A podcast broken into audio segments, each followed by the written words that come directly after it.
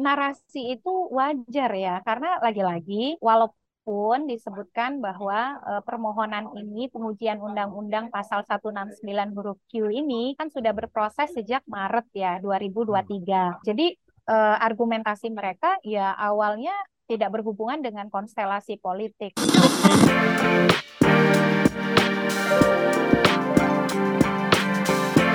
Hai sahabat TCID, kalian sedang mendengarkan podcast Suara Akademia. Ngobrol seru isu terkini bareng akademisi.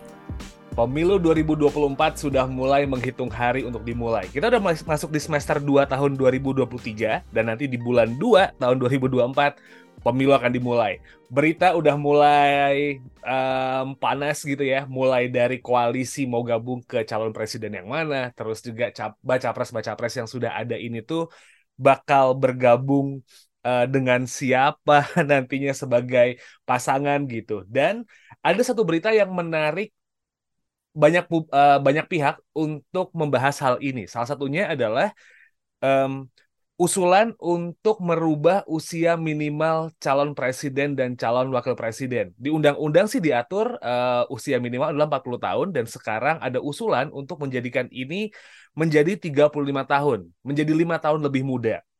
Apakah ini menjadi hal yang memang serius uh, untuk diubah? Karena ada tendensi yang dianggap bukan tendensi, ada masyarakat yang beranggapan bahwa ini tuh ada tendensius gitu untuk memajukan beberapa orang supaya bisa masuk dalam kontestasi presiden dan wakil presiden. Welcome to Suara Akademia, nama saya Muhammad Syarif, saya podcast produser dari TCID dan buat episode kali ini kita bakal ngobrol bareng sama Mbak Titi Anggraini, Direktur Eksekutif dari Perkumpulan untuk Pemilu dan Demokrasi atau Perludem. Halo Mbak Titi, apa kabar Mbak? Halo, kabar baik Mas Muhammad. Cuman aku mau koreksi dikit nih, aku hmm? udah nggak Direktur Eksekutif Perludem lagi okay. hmm. uh, per Agustus 2020. Uh, sudah regenerasi, jadi sekarang masih bantu Perludem di pembina Perludem Okay. Dan saya sekarang uh, back to kampus ya, uh, mengajar hukum pemilu di Fakultas Hukum Universitas Indonesia.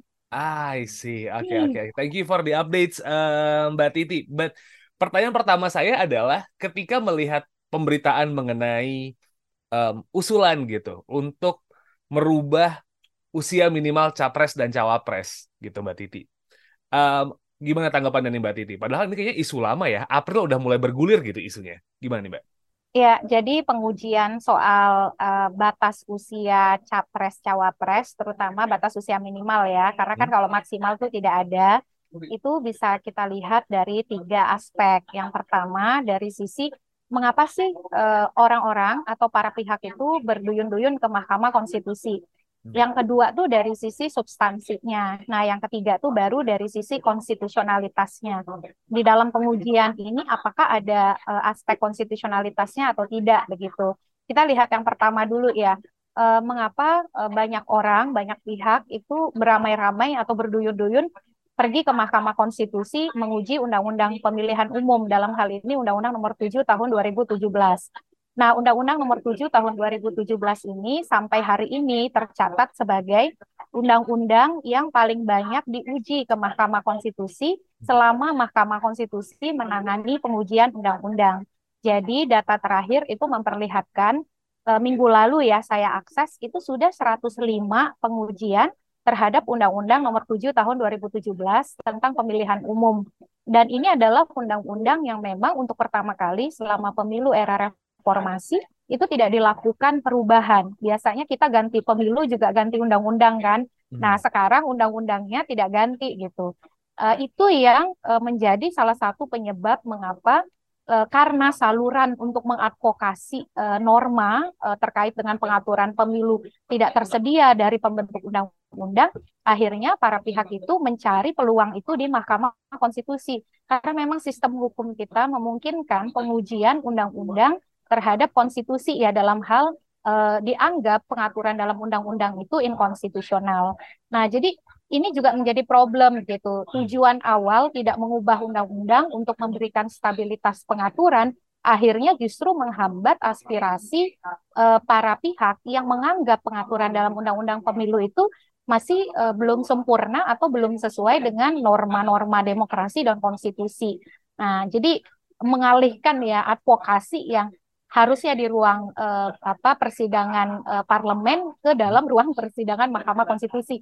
Karena memang itulah satu-satunya saluran yang tersedia hari ini untuk melakukan koreksi terhadap undang-undang pemilu kita.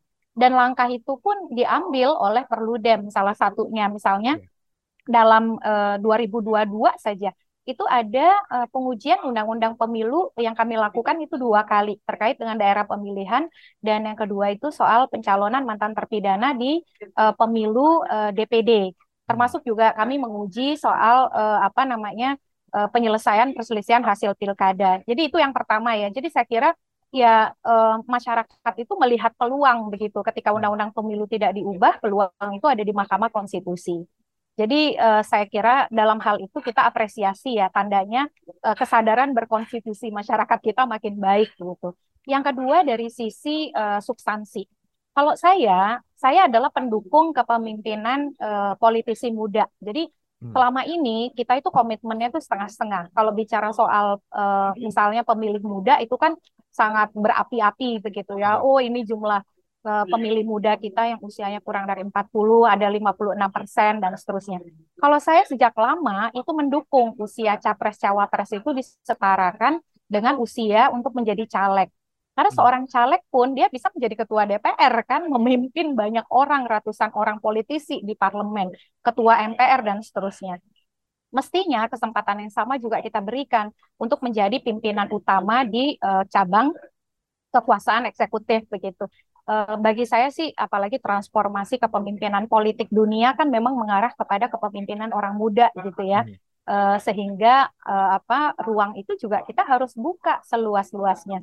Alih-alih membatasi uh, pemimpin muda, mestinya yang kita harus persoalkan hari ini adalah diskriminasi terhadap semua umur akibat adanya ambang batas pencalonan presiden gitu. Hmm. Jadi uh, saya uh, dalam hal ini secara substansi uh, menyetujui mendukung uh, kepemimpinan orang muda bahkan bagi saya kenapa usia 35 35 pun masih uh, diskriminatif. Nanti yang usia 30 yang sudah punya pengalaman misalnya menjadi uh, pimpinan di berbagai organisasi publik tapi kan tidak punya peluang juga untuk menjadi yeah. presiden dan wakil presiden.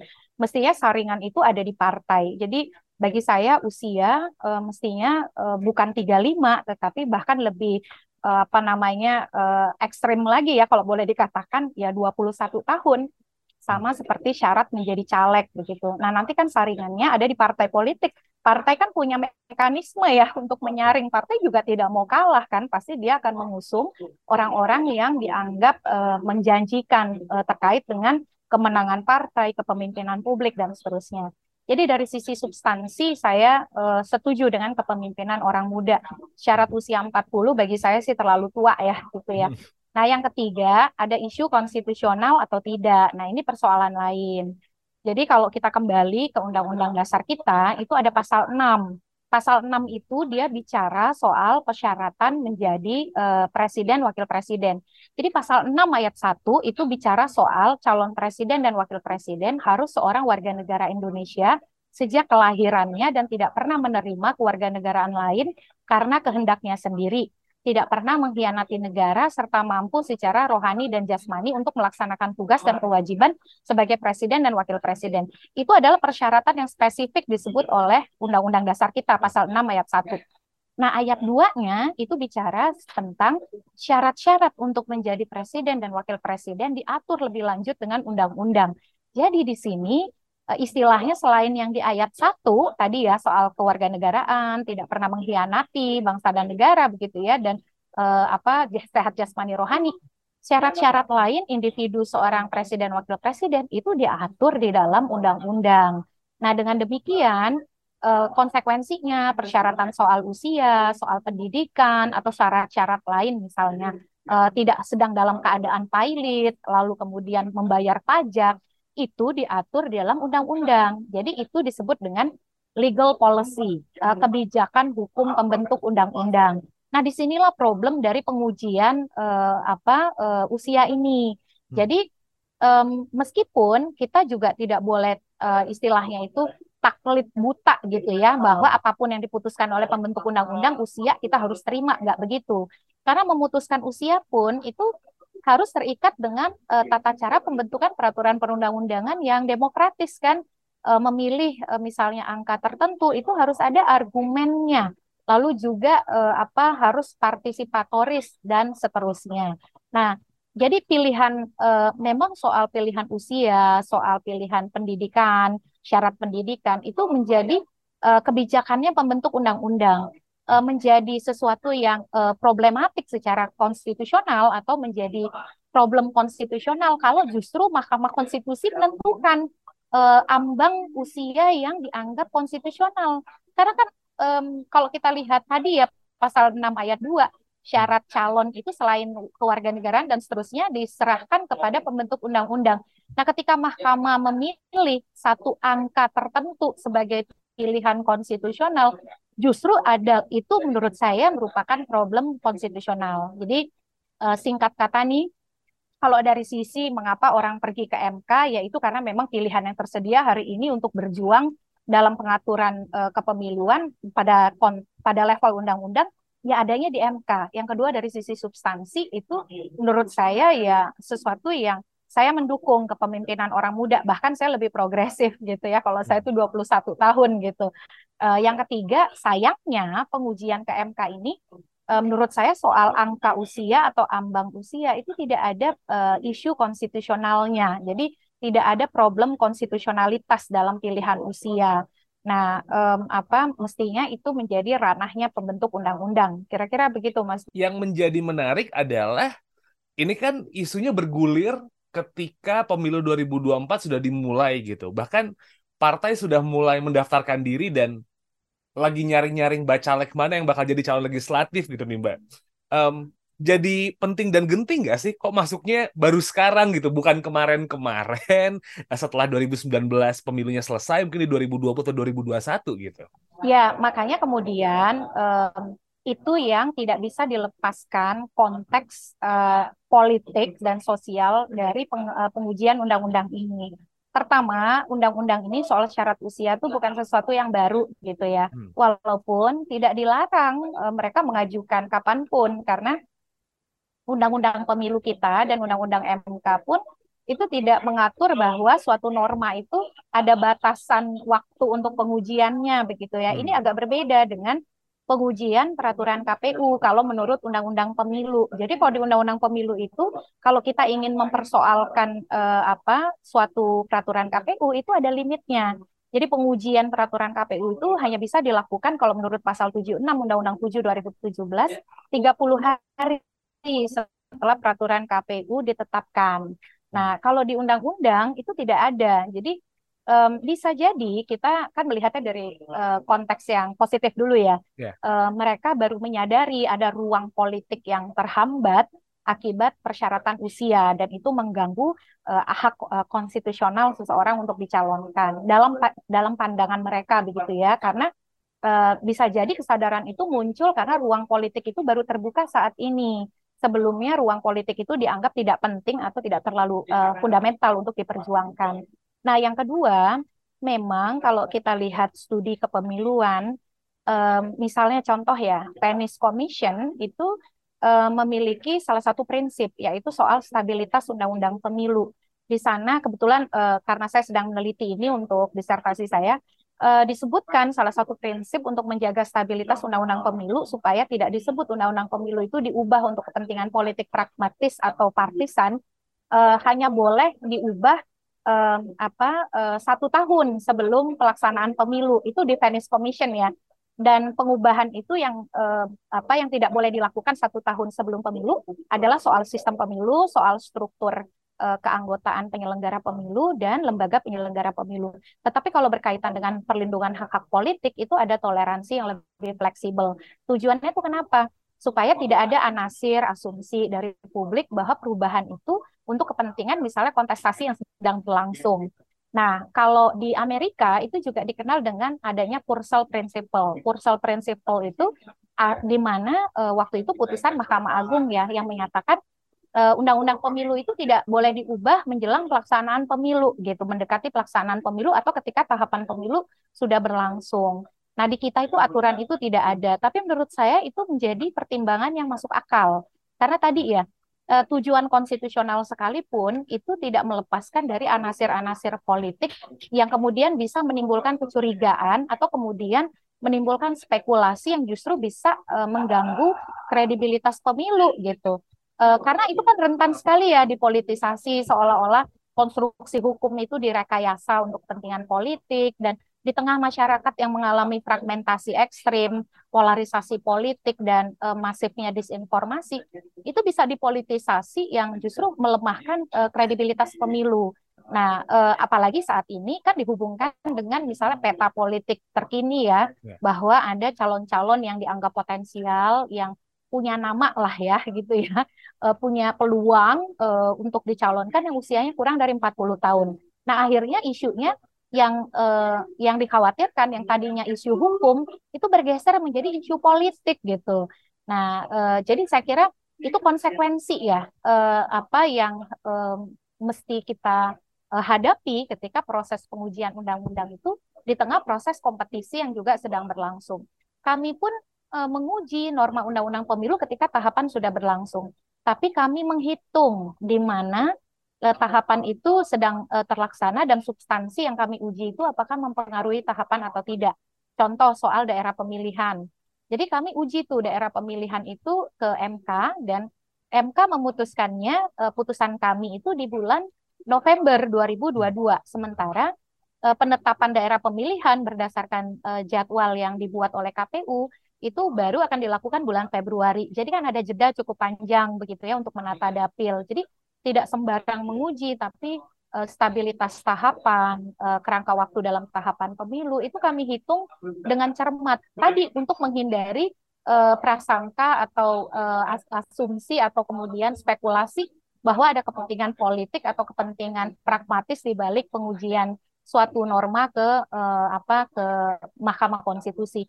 Selain memang Mas Muammar ya, uh, menguji ke MK itu tidak mudah. Tidak semua hmm. orang punya kapasitas hukum karena kita harus membangun argumen uh, legal standing, memastikan kedudukan hukum kita memenuhi syarat, membangun uh, argumentasi hukum, lalu kemudian memastikan bahwa kita bisa uh, membangun apa namanya logika bahwa memang norma yang diatur di dalam undang-undang itu bertentangan dengan undang-undang dasar. Jadi kadang-kadang itu butuh waktu gitu ya. Nah, Uh, makanya tidak semua tuh ada norma ditetapkan langsung diuji ke MK. Jadi kadang-kadang pun para pihak butuh waktu mempersiapkan segala sesuatunya.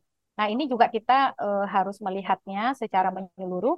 Nah oleh karena itu yang pentingnya dari Mahkamah Konstitusi adalah mahkamahnya yang harus karena kan Mahkamah Konstitusi itu hakimnya kan negarawan. Hmm. Karena ada banyak motif di dalam setiap pengujian undang-undang, maka sebagai seorang negarawan, hakim MK harus mampu memotretnya secara utuh uh, baik dari uh, apa tafsir atas suatu norma yang ada diatur di dalam undang-undang, bagaimana kemudian uh, norma yang berkaitan dengan hal itu dibahas ketika uh, pengubahan undang-undang dasar misalnya ya.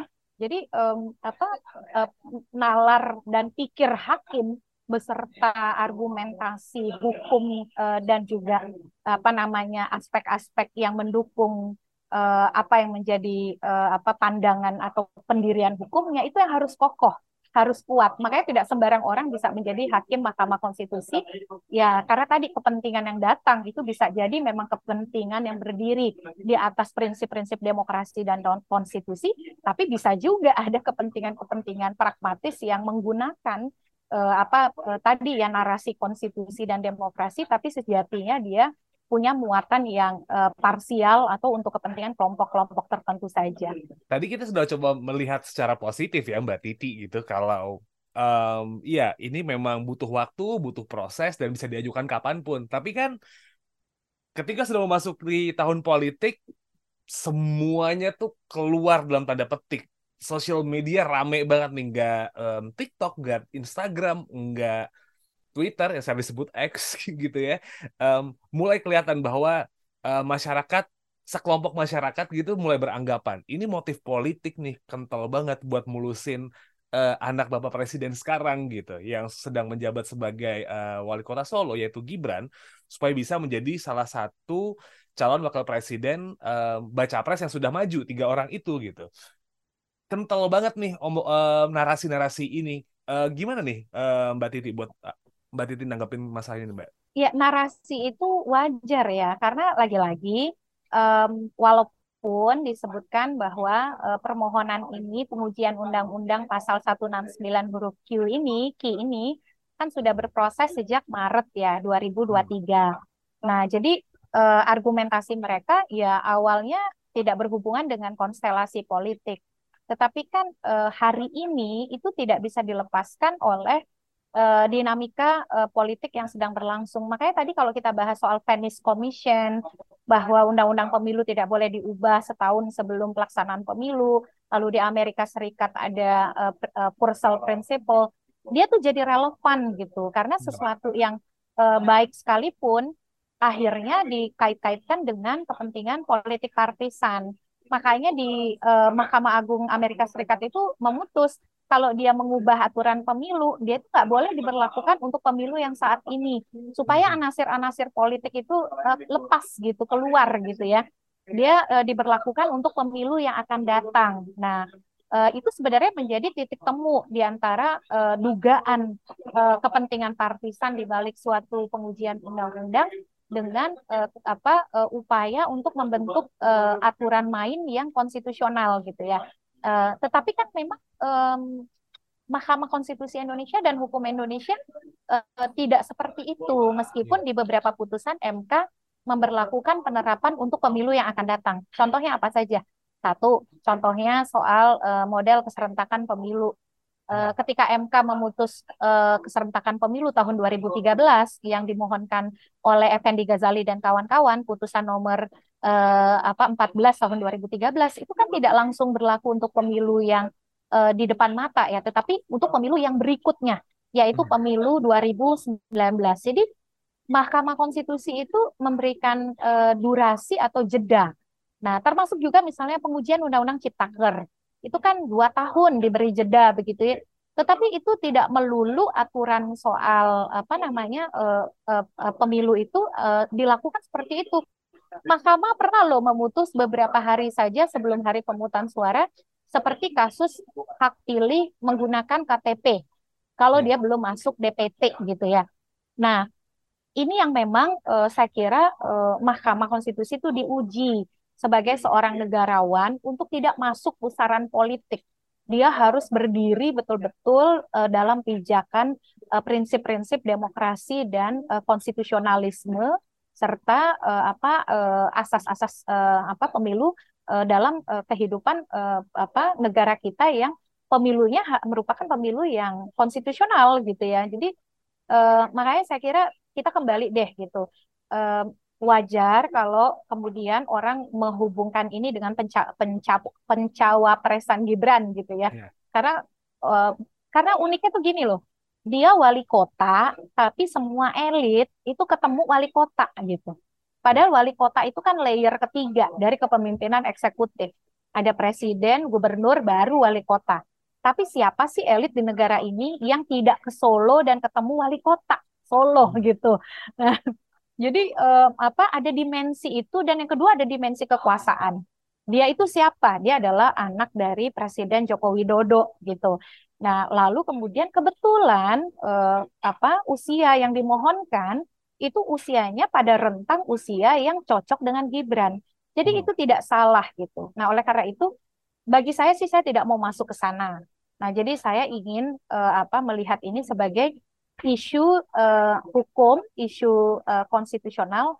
Bagi saya kalau dari sisi mengapa orang pergi ke MK ya kita itu ruang yang disediakan oleh negara ya untuk uh, melakukan langkah hukum yang namanya pengujian undang-undang. Yang kedua, dari sisi substansi saya mendukung kepemimpinan orang muda. Bahkan lebih progresif lagi, saya tidak 35, tapi saya 21.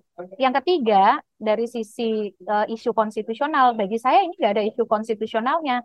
Karena soal umur, soal angka, soal pendidikan, itu adalah kewenangan pembentuk undang-undang. Kecuali bisa dibuktikan bahwa pilihan angka 30 pada saat disusun memang ada dalam konstruksi uh, apa kehendak jahat untuk menghambat misalnya ya eh, kelompok usia tertentu atau figur-figur tertentu untuk maju di pemilu. Tetapi kalau MK sampai terjebak pada pilihan angka, nanti yang usia 30 tuh juga bilang, saya juga didiskriminasi. Yang usia 25 juga bilang saya juga didiskriminasi. Yang usia 21 juga menyatakan hal yang sama. Saya juga didiskriminasi. Nah, menurut saya MK bisa uh, mengambil jalan tengah nih Mas Muammar. MK jangan terjebak pada angka, tapi MK fokus pada uh, penekanan bagaimana memastikan nominasi seorang calon presiden dan wakil presiden itu sesuai dengan praktik pemilu demokratis, yaitu eh, apa terbuka, transparan, akuntabel, berkeadilan, eh, partisipatoris gitu ya. Kalau di dalam partai kan yang mencalonkan presiden, wakil presiden hanya bisa partai politik ya, eh, partai politik atau gabungan partai politik. Ya tidak boleh pencapresan itu hanya diputuskan segelintir elit, apalagi cuma diputuskan oleh ketua umum. Jadi MK itu fokusnya pada hal-hal yang isu konstitusionalnya bahwa pengambilan keputusan untuk pencapresan misalnya itu harus dilakukan secara demokratis eh, lalu melibatkan pengurus anggota. Kan MK di dalam putusan sistem pemilu pernah menyebut soal primary election misalnya. Hmm. jadi eh, apa bagi saya sih yang problematik tuh di situ. Soal umur itu eh, apa namanya isu yang legal policy atau kebijakan hukum. Tapi isu yang paling mendasar pencapresan di negara kita ini tidak demokratis hanya ditentukan oleh segelintir orang, tidak menerapkan prinsip-prinsip uh, yang apa menempatkan anggota sebagai pemilik kedaulatan di dalam partai gitu ya. Dan itu dibajak oleh skema aklamasi. Jadi hanya karena uh, apa namanya muktamar, kongres memutuskan memberikan mandat kepada ketua umum, lalu pengambilan keputusan yang mestinya partisipatoris, uh, demokratis, transparan itu diambil alih hanya oleh satu dua orang. Nah itu yang sebenarnya bermasalah gitu. Jadi MK itu bisa mengkoreksi proses pencalonan di partai, tapi bukan dalam menentukan ambang usia angkanya berapa, tetapi tadi menekankan proses yang lebih substantif, yang lebih berkeadilan, yang lebih demokratis. Persis sama seperti MK memutus soal sistem pemilu. Soal iya. sistem pemilu kan MK mengatakan itu legal policy ya, padahal sistem pemilu itu masih terbuka perdebatan loh. Hmm. Tetapi MK kasih pesan gini satu, kalau ingin uh, apa uh, mengubah sistem pemilu itu bukan mengganti tapi menyempurnakan, dilakukan jauh-jauh hari dengan pelibatan semua pemangku kepentingan, lalu uh, me, apa uh, tidak membenturkan antara partai kedaulatan partai dan kedaulatan rakyat dan seterusnya. Nah, ini yang sebenarnya juga bisa jadi pilihan Mahkamah Konstitusi di dalam memutus soal usia uh, capres cawapres. Gitu. It will be my last questions nih, uh, Mbak Titi gitu. Melihat soal isu ini dan akhirnya dikaitkan dengan sistem demokrasi Indonesia yang masih seumur jagung ya, kalau bisa dibilang ya, belum kayak negara Amerika Serikat yang memang mereka udah lama gitu menerapkan sistem demokrasi let's say ini diputuskan sama MK diterima gitu, pengujiannya lolos gitu ya. Jadi usia capres jadi lebih muda, tidak 40 tahun lagi. Ini jadi pertanda yang baik nggak sih untuk demokrasi yang berjalan di Indonesia, Mbak? At least a good sign lah, meskipun tetap lagi ya, kalau sekarang isunya kita ngikut ketua partai mau ngapain gitu. Tapi ini jadi good sign nggak sih? Uh, soal pengujian ini ya, spesifik ya kan? Ya, uh, kalau saya tuh senengnya tuh gini ya, terlepas dari kontroversi bahwa ini dikaitkan dengan kepentingan uh, satu dua orang, tetapi diskursus publik kita itu makin masuk kepada hal-hal yang uh, lebih apa ya, lebih lebih substantif gitu ya. Soal misalnya terlepas tarik menarik soal sistem pemilu, tetapi ketika ada pengujian ke MK dan itu ramai dibahas, masyarakat kita kan jadi terbuka matanya. Oh, ternyata pemilu itu bukan sekedar pergi ke TPS memberikan suara, pilih uh, calon atau pilih partai, tetapi dia lebih kompleks dari itu dan itu yang harus dikawal. Karena kita itu kedaulatan itu bukan hanya saat di bilik suara, tapi dia sebuah proses yang yang itu harus dijaga dari regulasinya gitu ya. Nah, bahkan dari sisi partainya. Yang kedua, uh, soal usia ini. Bagaimanapun kan kita jadi mendiskusikan apakah kepemimpinan politik itu memang dipengaruhi oleh do, uh, oleh misalnya angka usia. Kan anak-anak muda itu juga mulai antara misalnya ya saya saya saya juga meminta ya kita tidak takut berdebat soal usia ini hanya karena misalnya sedang ada pengujian.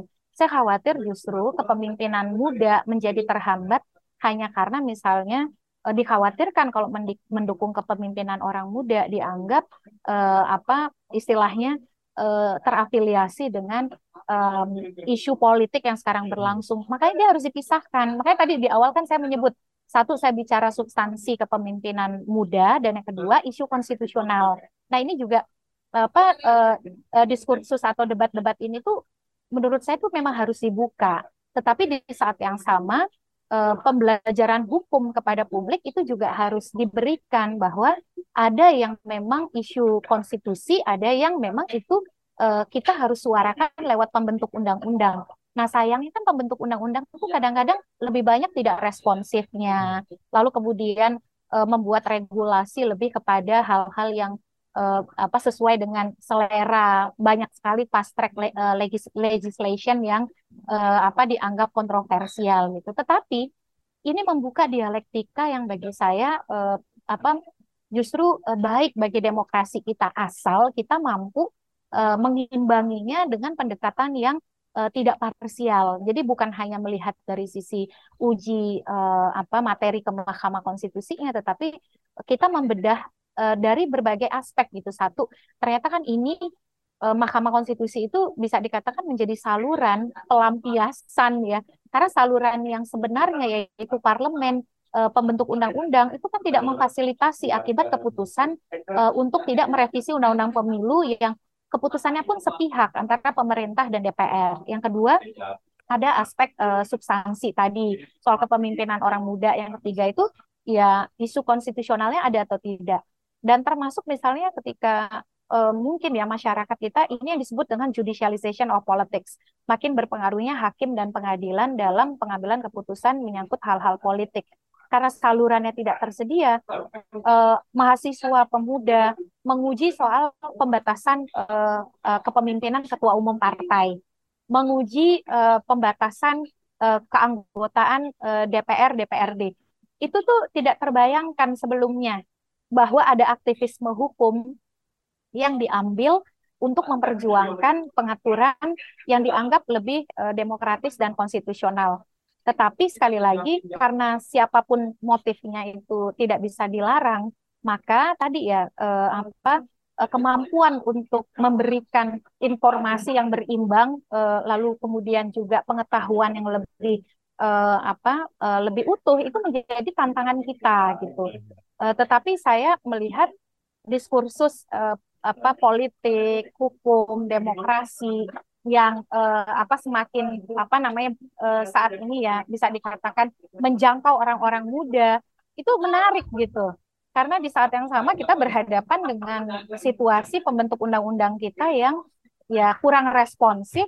Akhirnya ya uh, apa mereka menggunakan skema-skema uh, yang tersedia untuk menjawab tantangan itu gitu. Uh, ini ini yang yang apa, semangat aktivisme hukum ini yang bagi saya jadi oase ketika dia mampu bertemu dengan aktivisme sosial, jadi gerakan sosial ya. Jadi bagaimana kita menghubungkan ini? Karena di tengah kooptasi oligarki politik, uh, apa uh, demokrasi internal yang belum sepenuhnya berjalan, bagi saya sih ini jadi sebenarnya jadi harapan gitu. Um, apa yang yang situasi yang uh, apa kita tidak bicara sebatas pada pengujian soal usia ini ya. Kita bicara lebih luas misalnya uh, aktivisme hukum yang juga dilakukan oleh teman-teman muda. Nah um, di saat di saat yang sama gitu karena siapa pun bisa pergi ke ke pengadilan Mahkamah Konstitusi itu kita harus jagain kemandiriannya, independensinya, kemerdekaannya. Jangan sampai dia kemudian uh, menjadi alat politik. Makanya judicialization of politics itu salah satu tantangan tandingannya adalah politicization of judiciary. Jadi uh, di saat ketergantungan pada pengadilan juga makin kuat di saat yang sama uh, upaya untuk mengintervensi pengadilan dan mendapatkan dukungan politik dari pengadilan juga menguat gitu. Nah, ini yang kita ingin hindari. Jangan sampai pengadilan kemudian juga menjadi ya uh, sasaran atau objek dari politisasi eh, kelompok-kelompok pragmatis yang berusaha mendapatkan legitimasi dari putusan yang dibuat oleh hakim dan pengadilan kita. Clear enough nih Mbak Titi. Jadi memang melihat permasalahan um, usulan perubahan batas usia capres dan cawapres ini memang harus dilihat secara holistik. Jadi nggak cuma bisa satu, dua atau tiga part aja dan dipisah-pisah. Takutnya malah ntar misleading soal isu ini ya. Betul, kita rentan sekali dibenturkan. Hmm. Jadi bagi yang jangan salah kalau kita mengatakan itu tidak ada isu konstitusional, bukan berarti kita tidak mendukung kepemimpinan orang muda. Tapi kan hmm. kita ingin track yang tepat ya tapi lalu kita mengatakan kita mendukung kepemimpinan orang muda bukan juga artinya kita minta MK menyebutkan angka tertentu gitu ya. Nah, hmm. itu yang harus uh, apa pandai-pandai kita uh, sinkronkan supaya tidak dibenturkan atau kemudian didekati dengan uh, kepentingan yang uh, parsial dan pragmatis gitu. Um, it's enough for me, Mbak Titi. Mungkin ada yang disampaikan lagi, Mbak, mengenai isu ini karena kayaknya masyarakat uh, terlalu banyak informasi udah bukan. Ya, ya aku bukan ini ada ada ini aja ya uh, jangan sampai isu-isu yang uh, um, apa uh, seperti ini kemudian mengalihkan kita dari politik gagasan gitu ya. Kita jadi hmm. tidak terlalu ambil pusing soal uh, rekam jejak caleg, rekam jejak calon. Kita tidak terlalu peduli pada pemilu legislatif. Kita asiknya ngikutin kompetisi yang uh, elitis gitu ya, konfigurasi uh, politik pilpres. Tapi kita kemudian melupakan pemilu legislatif. Punya presiden sebagus apa pun, kalau parlemennya tidak punya kekuatan kontrol yang uh, cukup atau parlemennya tidak berkualitas nggak ada gunanya gitu karena uh, salah satu kelemahan sistem presidensil presidensil itu kan adalah tendensi mayoritas ya dia mudah tergelincir menjadi uh, apa otoritarian kalau dia tidak dikontrol oleh parlemen yang berkualitas. Nah, hmm. jadi mari kita tuh di tengah diskursus uh, yang memang menarik ini karena ini diskusi yang bisa dibawa ke mana-mana gitu ya. Tapi kita juga jangan melupakan untuk mengawasi memantau tahapan pemilu, eh, apa kinerja partai, rekam jejak calon itu juga tetap harus jadi eh, atensi dan perhatian kita gitu. Oke. Okay. Februari masih ada ya 5 6 bulan lagi, masih cukup lah ya buat riset kira-kira siapa yang mau dipilih dan sebelum memilih sih memastikan masuk jadi caleg atau tetap cuma jadi bacalek aja gitu ya. Kita masih menunggu tahapannya. But anyway, terima kasih Mbak Titi Anggra ini dari Universitas Indonesia dan juga dari Perludem sudah menyempatkan waktunya buat ngobrol kali ini dan Sobat TCID. Kalau emang pengen tahu um, apa ya, hal-hal yang dipublish sama Perludem bisa cek di perludem.org dan juga jangan lupa cek uh, website di Conversation Indonesia di at conversation.com/id atau sosmed kita di conversation IDN. Right, I'll see you in this episode. My name is Muhammad Syarif. Wassalamualaikum. Kalian telah mendengarkan podcast Suara Akademia, ngobrol seru isu terkini bareng akademisi.